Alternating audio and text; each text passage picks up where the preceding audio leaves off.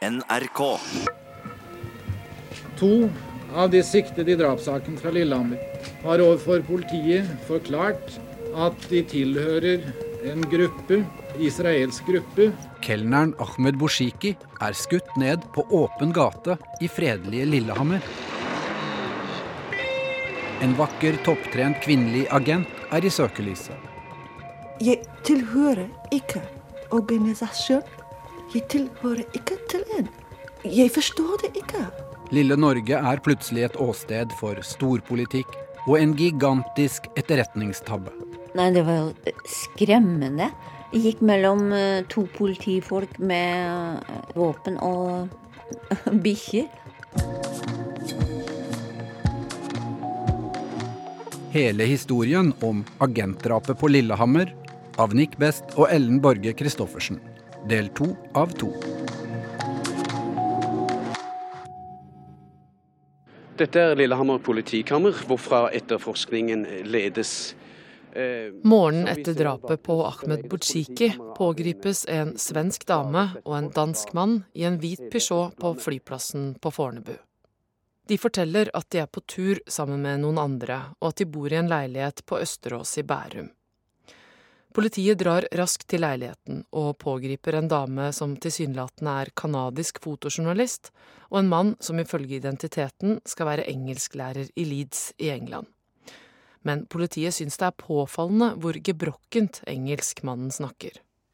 Foreløpig er altså fire utlendinger fengslet, to kvinner og to menn.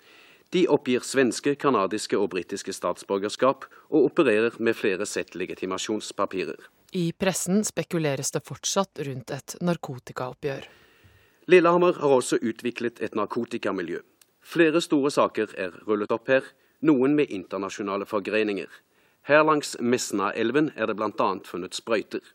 Det er imidlertid på det rene at den drepte ikke er straffet for noe forhold i Norge. Men snart kommer det frem noe i avhørene som gir saken en helt ny vending. Politietterforsker Leif A. Lier velger ut hvem han skal starte å snakke med. Så så jeg på de to kvinnene, og det var en elegant, flott dame som satt i en celle der nede. Hun hadde kalt seg for Patricia Roxburgh fra Canada. Og den andre det var en svensk jente, opprinnelig svensk, da, som het Marianne Gladnikoff. Og når jeg så på de to damene, så var jeg ganske sikker på at eh, Marianne Gladnikoff ville jeg snakke med. For hun var sikkert enklest å få til å, å si noe. Og det var jo riktig. Han henter Marianne Gladnikoff fra resten i kjelleren og opp til kontoret. Marianne er svensk-jødisk og flyttet til Israel for tre år siden. Lier er så hyggelig han kan for å få henne til å snakke. Jeg fikk godt inntrykk av Marianne. Hun var, øh, For meg så var Marianne en øh, person som åpenbart ikke var vant til å snakke med politifolk. Eh, Men så prater jeg vel stort sett veldig greit med, med jenter. Så det tok meg ikke, sikkert ikke mer enn maks en halvtime før hun begynte å legge kortene på bordet. Leif A. Lier skriver, mens Marianne Gladnikoff forklarer hvorfor hun kom til Norge. Om kveldene går hun på et kurs som holdes i Forsvarsdepartementet i Tel Aviv. Etter et av kursene ble hun kontaktet av en mann. Han spurte om hun var villig til å utføre et oppdrag for staten Israel. Siden siktede ikke har avtjent noen verneplikt for Israel, følte hun det som sin plikt å gjøre noe for Israel. Fordi at de trengte en som snakket og forsto norsk og var nordisk. Når jeg hørte denne historien om at eh, hun var sendt av eh, israelske myndigheter, så ville jeg vite hvem det var. Marianne Gladnikoff virker fortvila og redd, spesielt for hva foreldrene hjemme i Sverige kommer til å tro. Hun forteller at hun ikke vet hva oppdraget besto av, annet enn at de skulle spane på en mann, en algerier som het Benaman, som hadde dratt til Norge. Hun sier hun ikke vet noen ting om drapet, hun var bare med til Lillehammer fordi hun forstår og prater skandinavisk. Lørdag 21.7. Samme kveld sto siktede utenfor en kino i Lillehammer og ventet på mannen med mustasje. Hun så da at han kom ut fra kinoen sammen med en dame, og siktede fulgte etter dem til de gikk inn på en buss. Siktede satte seg deretter inn i en bil. Inne på avhørsrommet begynner det å tegne seg en historie for Leif A. Lier. En historie langt mer utenkelig enn et narkotikaoppgjør på Lillehammer. Og uh, Han tar en pause for å fortelle sjefen sin hva han har hørt. bare en kort tid etterpå så kom Steinar ut, og så sa han at han hadde fått høre samme historien av Dan Erbel. En annen Kripos-etterforsker, Steinar Ravlo, avhører dansk-jødiske Dan Erbel, som bor i Tel Aviv. Erbel er mannen som ble pågrepet sammen med Marianne Gladnikov på Fornebu. Og da begynte vi å forstå at dette var ikke noe narkotika. Dette var litt internasjonalt, og dette hadde da med Israel å gjøre. Dette drapet som skjedde da Ahmed Boushiki øh, oppi der. I avhøret har Dan Erbel sprukket helt. Dan Erbel, han, øh, han måtte jo ha døra til fengselscellene åpne for, for han hadde jo klaustrofobi. Han har traumer fra andre verdenskrig, da han som barn måtte gjemme seg under jødeforfølgelsen. Så han var redd for å sitte inne. Både Dan Erbel og Marianne Gladnikov forklarer i avhør at de spana på en hovedmann bak en mulig terroraksjon i Skandinavia. Erbel forteller at de ble vist bilder av mannen, som kalles Den røde prinsen. Siktede opplyser at han hørte at mannens navn skulle være Ben Salamø. Han husker ikke hvem han hørte dette av.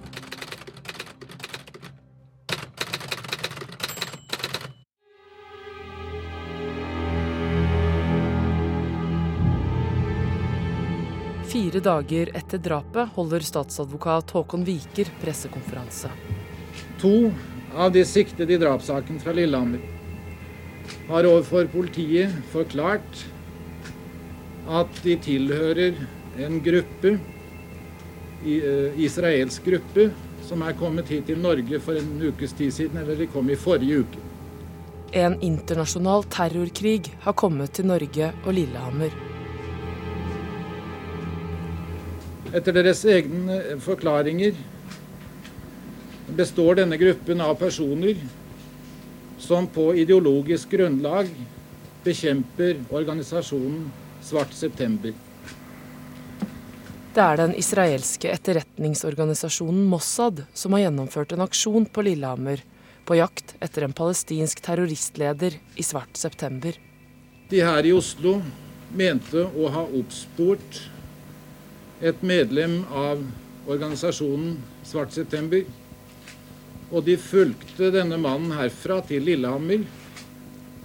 På Lillehammer skygget de ham gjennom et par døgn.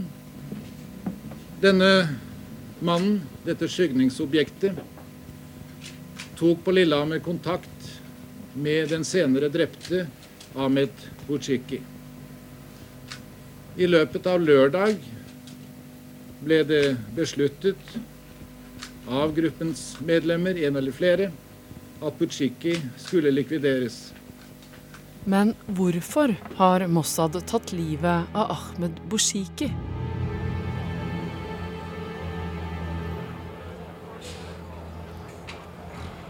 I passet til danske Dan Erbel finner politiet et telefonnummer som leder til en adresse i Oslo.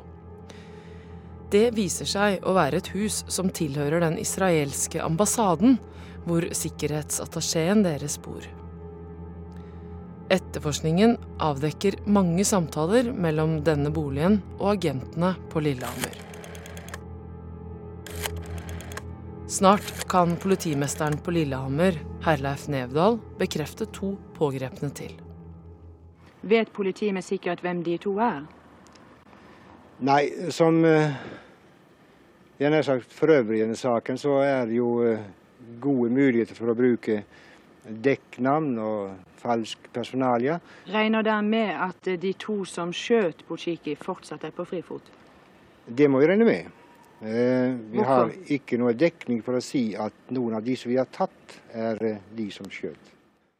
Nå har politiet totalt seks personer i arrest etter drapet.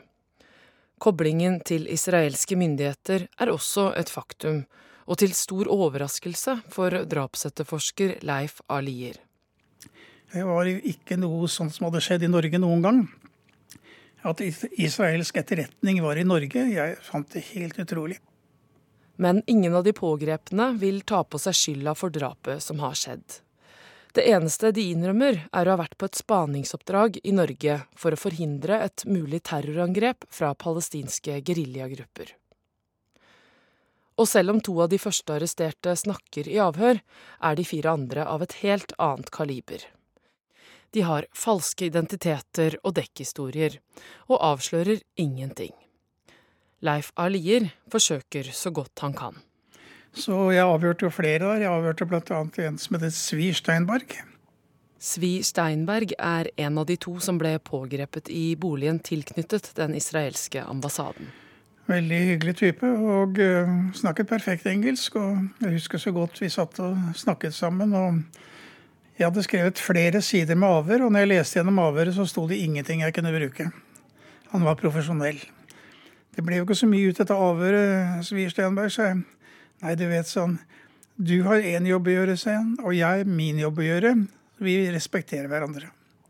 Særlig én av de seks arresterte fanger oppmerksomheten til både politi, media og en av forsvarerne spesielt.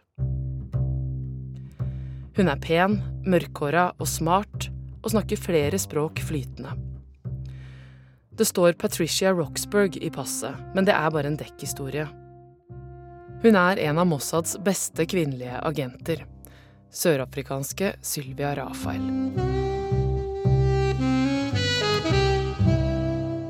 So she was very experienced, she was good. Her, Den israelske journalisten Yossi Melman.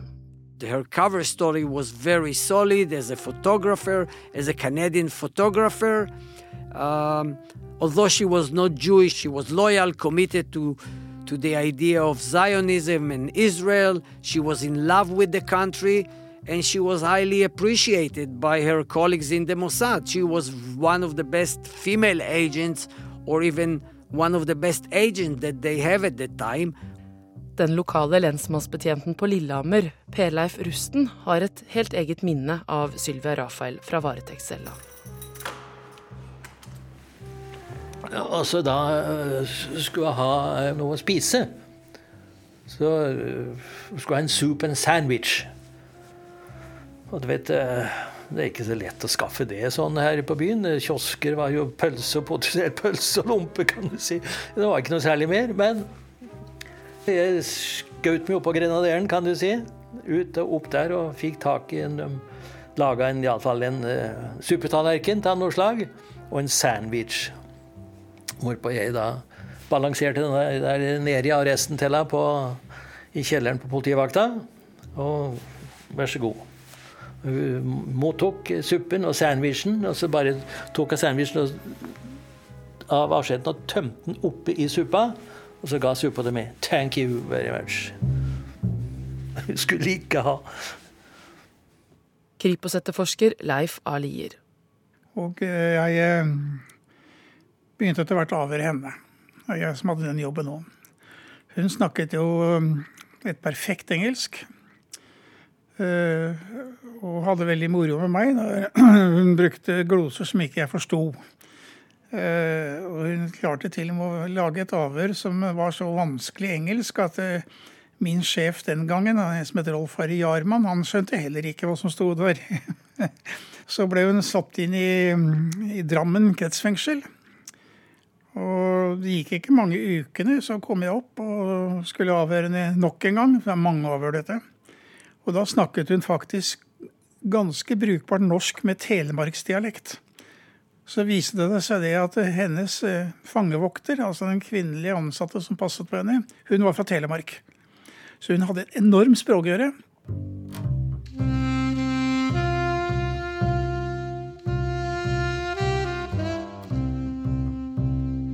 Norsk presse la fort sin elsk på den mystiske Sylvia Rafael. En av grunnene til at uh, Sylvia Rafael er på forsiden, var jo at hennes historie var jo det mest fascinerende. Journalist Halvor Elvik dekker saken for Dagbladet i 1973. Uh, flott, ung kvinne. Uh, fotomodell. og som viser seg å være etter hvert som hun får gravd ut dette her, eh, hemmelig agent. Det var litt sånn kvinnelig James, James Bond. Jane Bond. Det ble mye sånn agentmyte rundt Sylvia Rafael, og så dukket det opp noen sånne eh, modellbilder av henne også, som eh, vi selvfølgelig var glad i å trykke. Så hun var det mest spektakulære personer som vi fikk flest opplysninger om.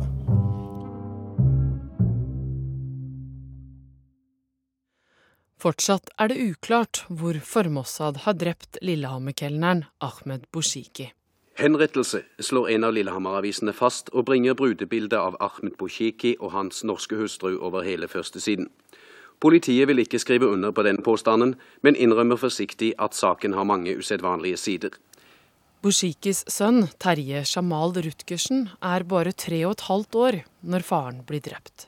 Ja, jeg, jeg husker jeg husker at jeg lekte ute, og så kommer det noen, noen gutter som har vært to-tre år eldre enn meg, løpende og roper 'Faren din er død. Faren din er død'. Jeg husker jeg var veldig forvirra. Jeg forsto ikke helt, helt hva det her handla om. Naboen til Bushiki på Lillehammer, Dagny Bring. For det Ja. Nei. Det var en tøff tid.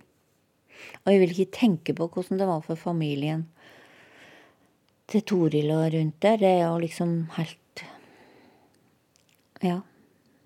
Jeg beundrer deg som har klart seg videre. Det mm. De israelske agentene som sjekket inn på hoteller på Lillehammer i dagene før drapet, blir etterlyst internasjonalt av politiet. Men identitetene viser seg raskt å være falske. I tillegg finner politiet seks leiebiler de knytter til operasjonen. Kripos-etterforsker Leif A. Lier reiser til Genéve for å få forklaringen til Kemal Ben-Aman, den algeriske mannen Mossad-agentene skygga til Lillehammer, og som Ahmed Boshiki møtte på kafeen. Og den er jo helt usannsynlig. Helt utrolig. Hvor han da forteller at han hadde lyst på en ferie. Og eh, da gikk han innom et reisebyrå i Genéve og diskuterte hvor han kunne reise. Og da fant han ut at det, det hørtes interessant ut å reise til Norge. Så han eh, reiste da med fly til Oslo. Og så var han ute på Karl Johan og gikk innom et reisebyrå og lurte på hvor han skulle reise på ferie. Så fikk han mange forskjellige tilbud, og så syntes han Lillehammer hørtes veldig interessant ut. Så da um, tok han da toget til Lillehammer. Lier finner forklaringen lite troverdig, men kan ikke motbevise den. Politiet finner heller ingenting som kan koble Ahmed Bushiki til palestinske organisasjoner. Det blir snart klart at israelske Mossad, kjent for å være en av verdens mest effektive etterretningstjenester, har begått en gigantisk feil på Lillehammer.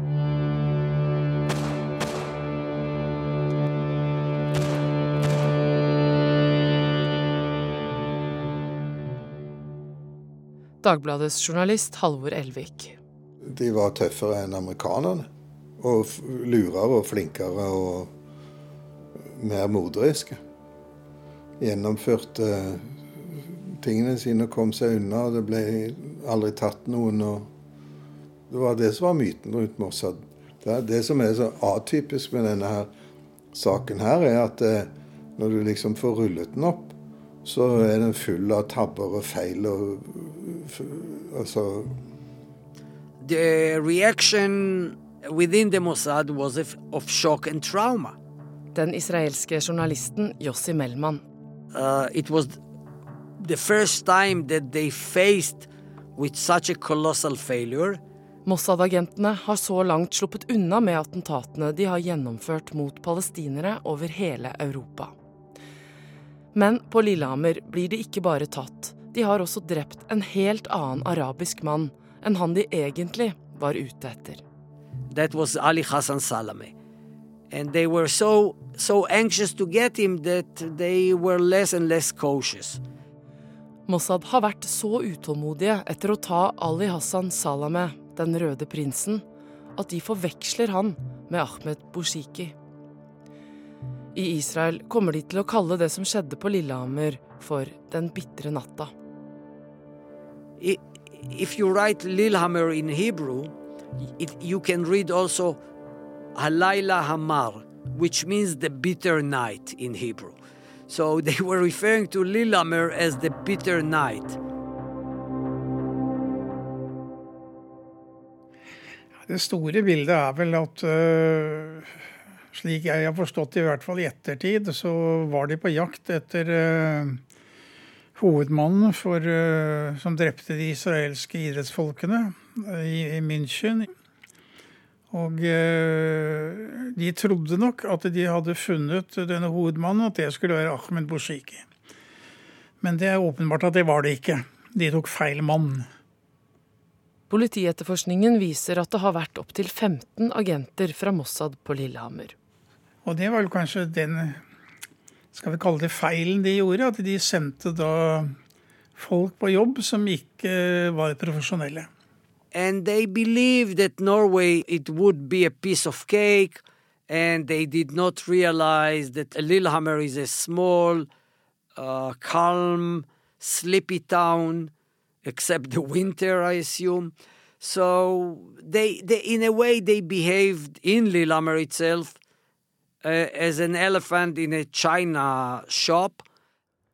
Politiet kommer ingen vei med de etterlyste falske identitetene. Og israelske myndigheter bidrar ikke til oppklaring.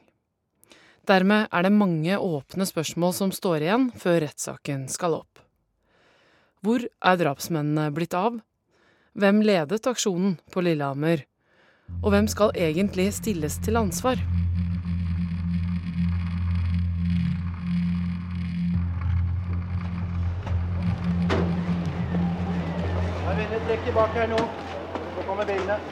Og så, 1.2.1974, starter rettssaken mot de seks tiltalte.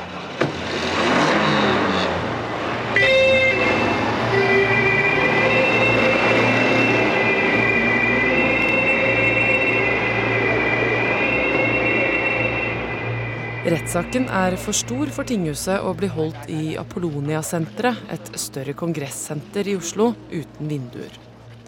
Dagbladjournalistene Mens Tor Amundsen og Halvor Elvik var der i 1973. Det ble vel valgt fordi det var litt utilgjengelig. Og ganske solid bygg. Vi var jo uvant med det da, å ha politifolk, norske politimenn med maskinpistoler som, som passa på. Dette var jo før Treholt. Ti år før Treholt. det var Men det var jo frem til da tidenes uh, sikkerhetsoppbud. Og definitivt. Ja, uten tvil. Det sier det var første gang du satt i en rettssal hvor det var metalldetektor, og, og du måtte vandre gjennom, få sjekket bagasjen, holdt jeg på å si, vesker og, og klær og alt mulig for å komme inn. Fotoforbud og the works. I retten nekter alle de tiltalte agentene for å ha kjent til drapsplanene. Nabo og vitne til drapet på Bushiki, Dagny Bring, tar toget til Oslo for å stille opp i retten. Nei, det var jo skremmende. Jeg gikk mellom to politifolk med geværer og bikkjer, og det sto jo bevæpna politi i inngangen. Hun er kjempenervøs for å se Mossad-agentene på tiltalebenken. Jeg var ikke klar over at jeg skulle være der før den rettsbetjenten snakka med før jeg skulle gå inn. Og han klarte å overtale meg så mye at jeg ikke snudde og sprang ut igjen. og da fortalte han hvor jeg satt. At jeg ikke behøvde se på den sida. Dagny har vært mye redd siden hun så drapet. Spesielt fordi avisene har omtalt henne som øyenvitne med både navn og bilde. Ja, det var en tøff tid, for dette var, skjedde jo i august, nei, juli. Og, og saken var da oppe i begynnelsen av februar. Så det var tolv kilo ned i vekt. og um, mye redsel og ja,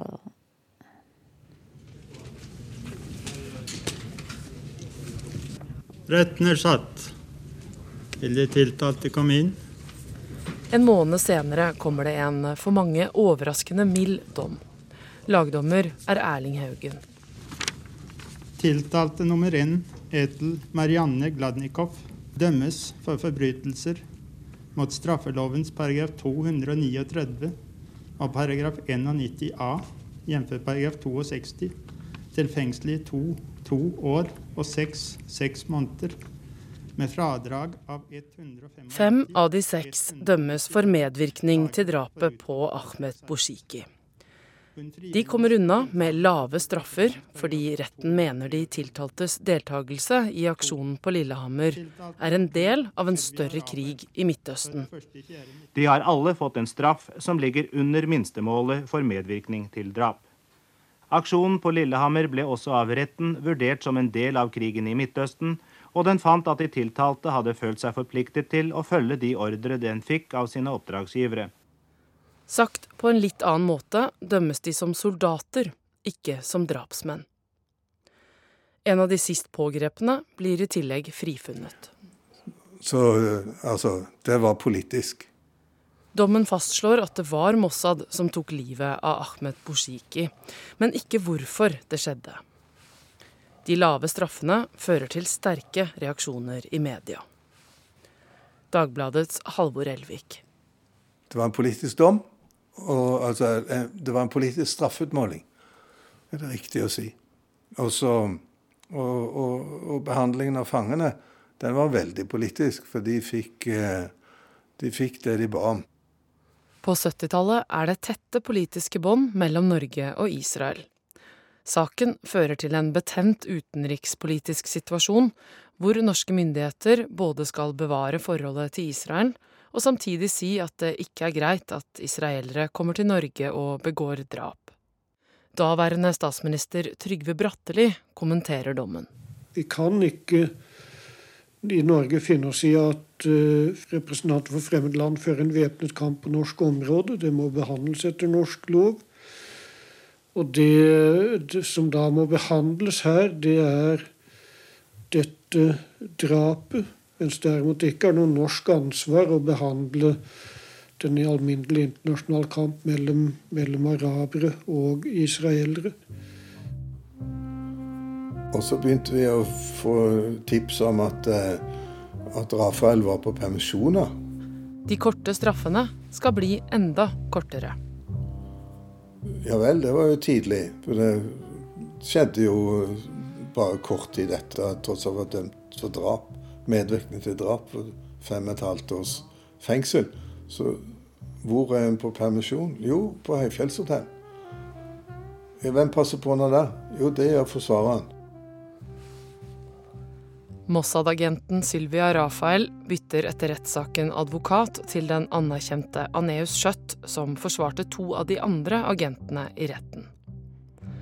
Snart utvikler det seg et kjærlighetsforhold mellom de to. Noe mange blir interessert i. Også satiriker Ole Paus. Sylvia Rafael fra Israel reiste til Norge, der slo hun i hjel en araber. Og så ble fru Rafael nødt til å sitte i fengsel, der traff hun herr Skjøtt.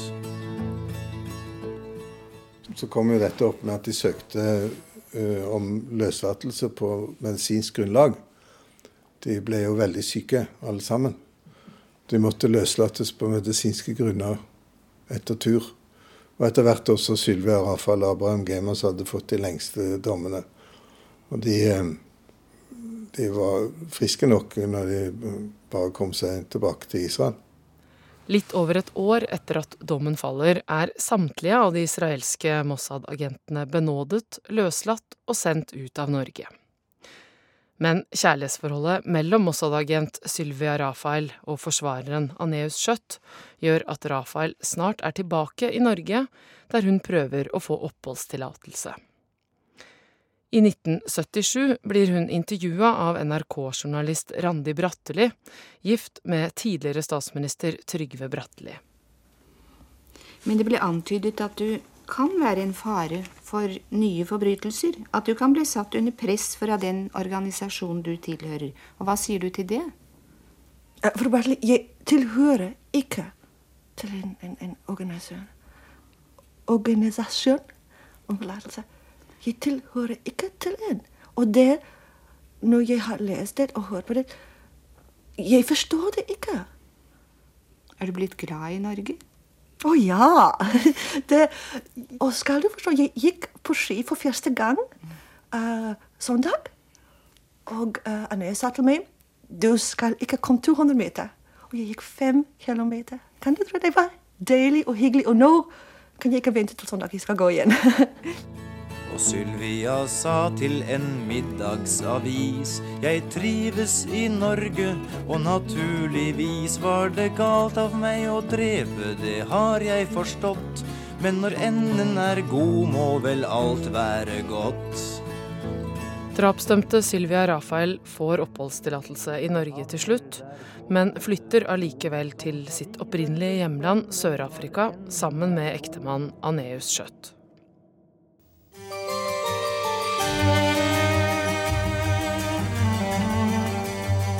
På 90-tallet begynner det å koke rundt Lillehammer-saken igjen. Lillehammer er kjent for to ting verden over. Vinter-OL sist vinter og Lillehammer-drapet for 21 år siden. Bushikis etterlatte starter en ny kamp for å få en innrømmelse fra Israel 20 år etter drapet. Toril Larsen Bushiki, enken etter Ahmed Bushiki, stiller opp i TV 2. Etter at han ble drept, så hadde jo jeg det viktigste for meg det var jo at jeg skulle fungere, og at jeg skulle en, bruke mine krefter på å gi dattera mi en normal oppvekst. Og ikke en som var i media, eller bruke mine krefter på å jeg holdt på å si slåss mot den israelske stat. Jeg husker det var eh, min fars kone. Eh, hun hadde stilt opp eh, i et intervju hos TV 2. Eh, hvor hun eh, fortalte litt om sin opplevelse av dette, og særlig sin, sitt møte med norske myndigheter i ettertid. Ahmed Boshikis sønn Terje er 25 år i 1994, da han også bestemmer seg for å gå ut i media. Han håper at han som nær pårørende kan få fram opplysninger som ikke journalister og andre har tilgang til det var ikke det at vi var ute etter oppreisning eller det i begynnelsen, men det var det å prøve å finne svar på Hadde norske myndigheter gjort det de kunne for å, for å undersøke omstendighetene rundt drapet? Terje er plutselig både på TV og i aviser. Før det her ble en mediasak, så, så hadde jeg bare sett bilder av han uten skjegg. Og når jeg var rundt 25, så hadde jeg litt sånn uh, smultringskjegg. Og så plutselig fikk jeg se de første bildene av han med, med bart og skjegg, og jeg er sånn Oi! Oi! Han ser akkurat ut som meg. Det, det var kjempeartig. På denne tida er det uvanlig god stemning i Midtøsten. Den eh, norske Nobelkomité har bestemt at Nobels fredspris for 1994 skal tildeles i alfabetisk orden. Yasir Arafat, Shimon Peres og Yitzhak Rabin. Israelske og palestinske ledere mottar fredsprisen sammen etter den såkalte Oslo-avtalen, hvor Norge var med å starte en fredsprosess mellom Israel og Palestina.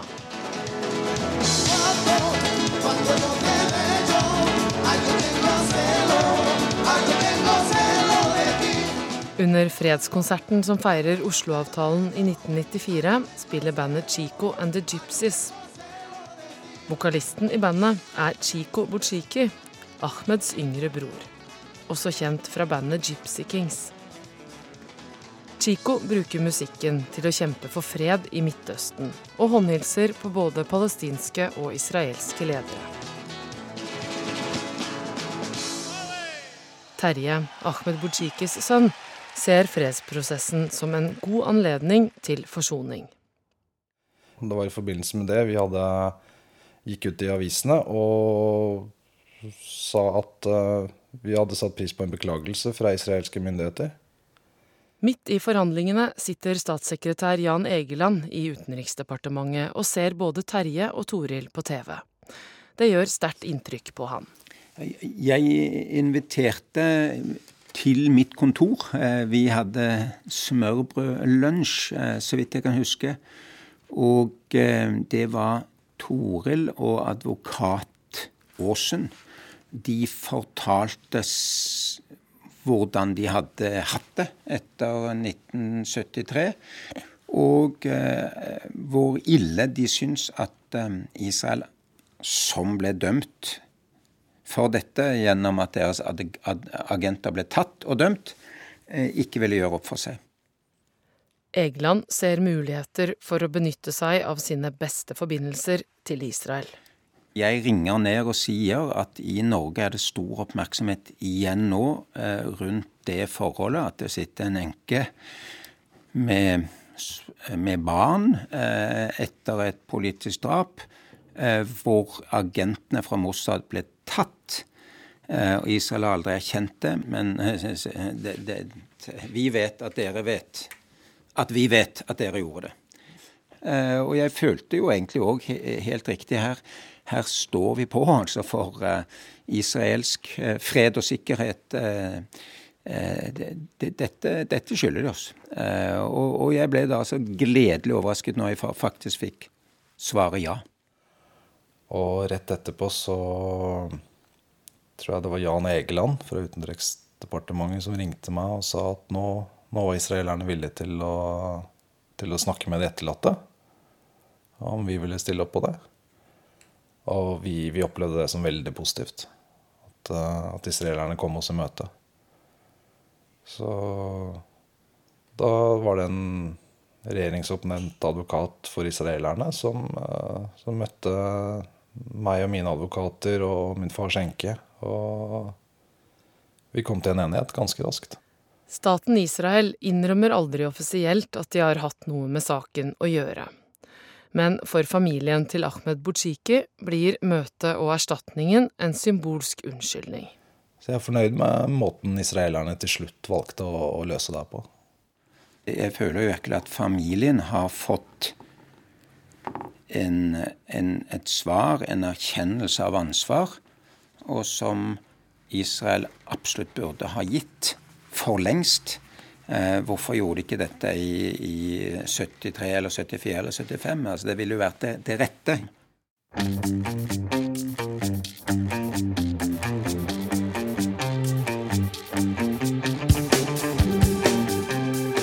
Selv om familien til Butsjiki har fått et etterlengta oppgjør og en erstatning fra Israel, så fortsetter rykter og teorier å vokse. Spesielt sterkt er ryktet om at de norske hemmelige tjenestene skal ha hjulpet de israelske agentene med aksjonen i Norge. Det ender med at Lillehammer-saken åpnes for nye undersøkelser i 1996 og Kripos-etterforskerne finner snart et helt nytt notat hos overvåkningspolitiet. De gjennomgikk jo arkiver og safer og sånn på overvåkningssentralen. Statsadvokat Lasse Kvikstad leder etterforskningen. Jeg fant da dette notatet i en gammel stålsafe. Eh, og de meddelte dette meg, til meg, da, og jeg meddelte jo dette til mine foresatte, nemlig Riksadvokaten. Og eh, alle var jo enige om at dette var en viktig opplysning. For dette var jo et håndfast bevis på hva man hadde visst i 1973. Notatet ble låst inn i august i 1973 av tidligere overvåkningssjef Gunnar Hårstad, bare uker etter at Bushiki ble drept. Konkrete opplysninger i notatet gjør at politietterforskerne kan koble Mossads Mike Harari til Lillehammer-saken. Harari var mannen som fikk ansvar for å lede Israels hevnattentater etter München-massakren. Ja, jeg reagerte med forbauselse på at man eh, ikke eh, Holdt på å si at det lå der.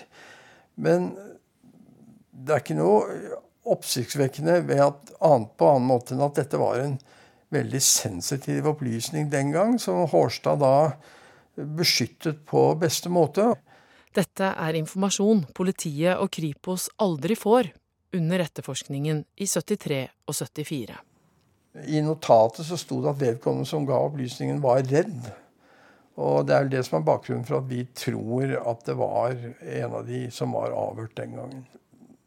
Statsadvokat Kvikstad ser nå en mulighet for å oppspore mannen de mener må ha gitt selve drapsordren på Bushiki. Kvikstad sender en rettsanmodning til Sør-Afrika og henter en motvillig Sylvia Rafael inn til et nytt og hemmelig avhør. Eh, hun bekreftet da Mark Harares eh, deltakelse på Lillehammer. Og det var første gangen vi fikk, eh, hva skal vi si, i direkte tale bekreftet det vi hadde trodd lenge. Og at han var leder i aksjonen. Statsadvokat Lasse Kvikstad drar sammen med kollega Siri Frigård til Israel for å gjøre et forsøk på å avhøre den erfarne Mossad-agenten Mike Harari. Vi satt jo der han kom inn i rommet. Eh, han var en liten, eh, litt undersetsig mann. Eh, godt hold. Og, og markert i ansiktsdrag. Og det var en veldig ladet stemning. På den måten at han åpenbart ikke hadde lyst til å treffe oss i det hele tatt. Han ga meg for øvrig en video en sånn gammel videokassett. Som var en slags propagandafilm for staten Israel. Og så gikk han. Og jeg tror Mossads representanter gjerne hadde sett at han var mer åpen. Eh, altså, vi kom ikke noe nærmere en oppklaring. Vi, man må jo være litt realist i denne verden også. Og vi hadde jo ikke noen illusjoner om at han ville holdt på å si, tilstå eller noe sånt noe. I 1999 blir saken mot Mike Harari henlagt. Det finnes ikke nok bevis. Senere granskninger fra ulike utvalg i Norge finner heller aldri bevis for at norske hemmelige tjenester skal ha hjulpet Mossad. Men norske myndigheter blir flere ganger kritisert for at dårlig informasjonsdeling har ført til unødvendige spekulasjoner og mye usikkerhet i saken. Så nå er dette først og fremst en historie, historisk sak, på den måten at det er det ligger fortsatt sikkert mye skjult storpolitikk i dette, men det er på et nivå som er eh, langt utenfor eh, norsk politikk. Altså det er storpolitikk inne i Midtøsten på den tiden. Og der eh, var ikke Norge noen aktør i det hele tatt. En storpolitisk sak som endte med drap på den uskyldige marokkanske kelneren Ahmed Boushiki på Lillehammer. Men Norge står igjen som det eneste landet som faktisk arresterte gjerningsmenn etter attentatene Mossad sto bak i Europa i 1972 og 73. Det skyldes delvis flaks, men det skyldes også veldig våkne politifolk den gangen. Man skal huske på at veldig mye av det som nå er på en måte offentlig kjent, det var, ville ikke israelerne snakke om engang den gangen.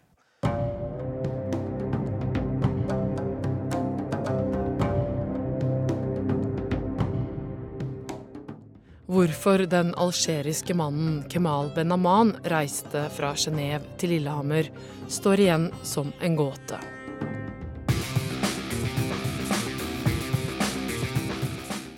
NRK har forsøkt å få tak i Mossads agenter som var i Norge, og som fortsatt er i live, men ingen av dem ønsket å snakke med oss.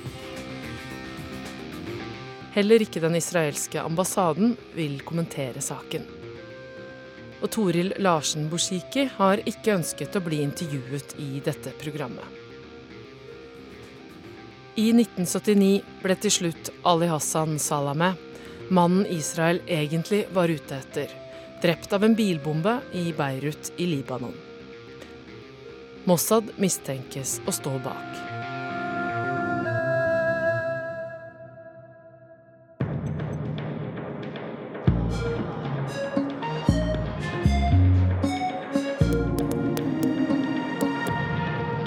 Du har hørt 'Agentdrapet på Lillehammer' av Nick Best og Ellen Borge Christoffersen. Lyddesigner var Kjetil Hansen, og jeg som heter Kjetil Saugestad, var konsulent. Kontakt oss gjerne på e-post radiodok krøllalfa nrk.no. NRK.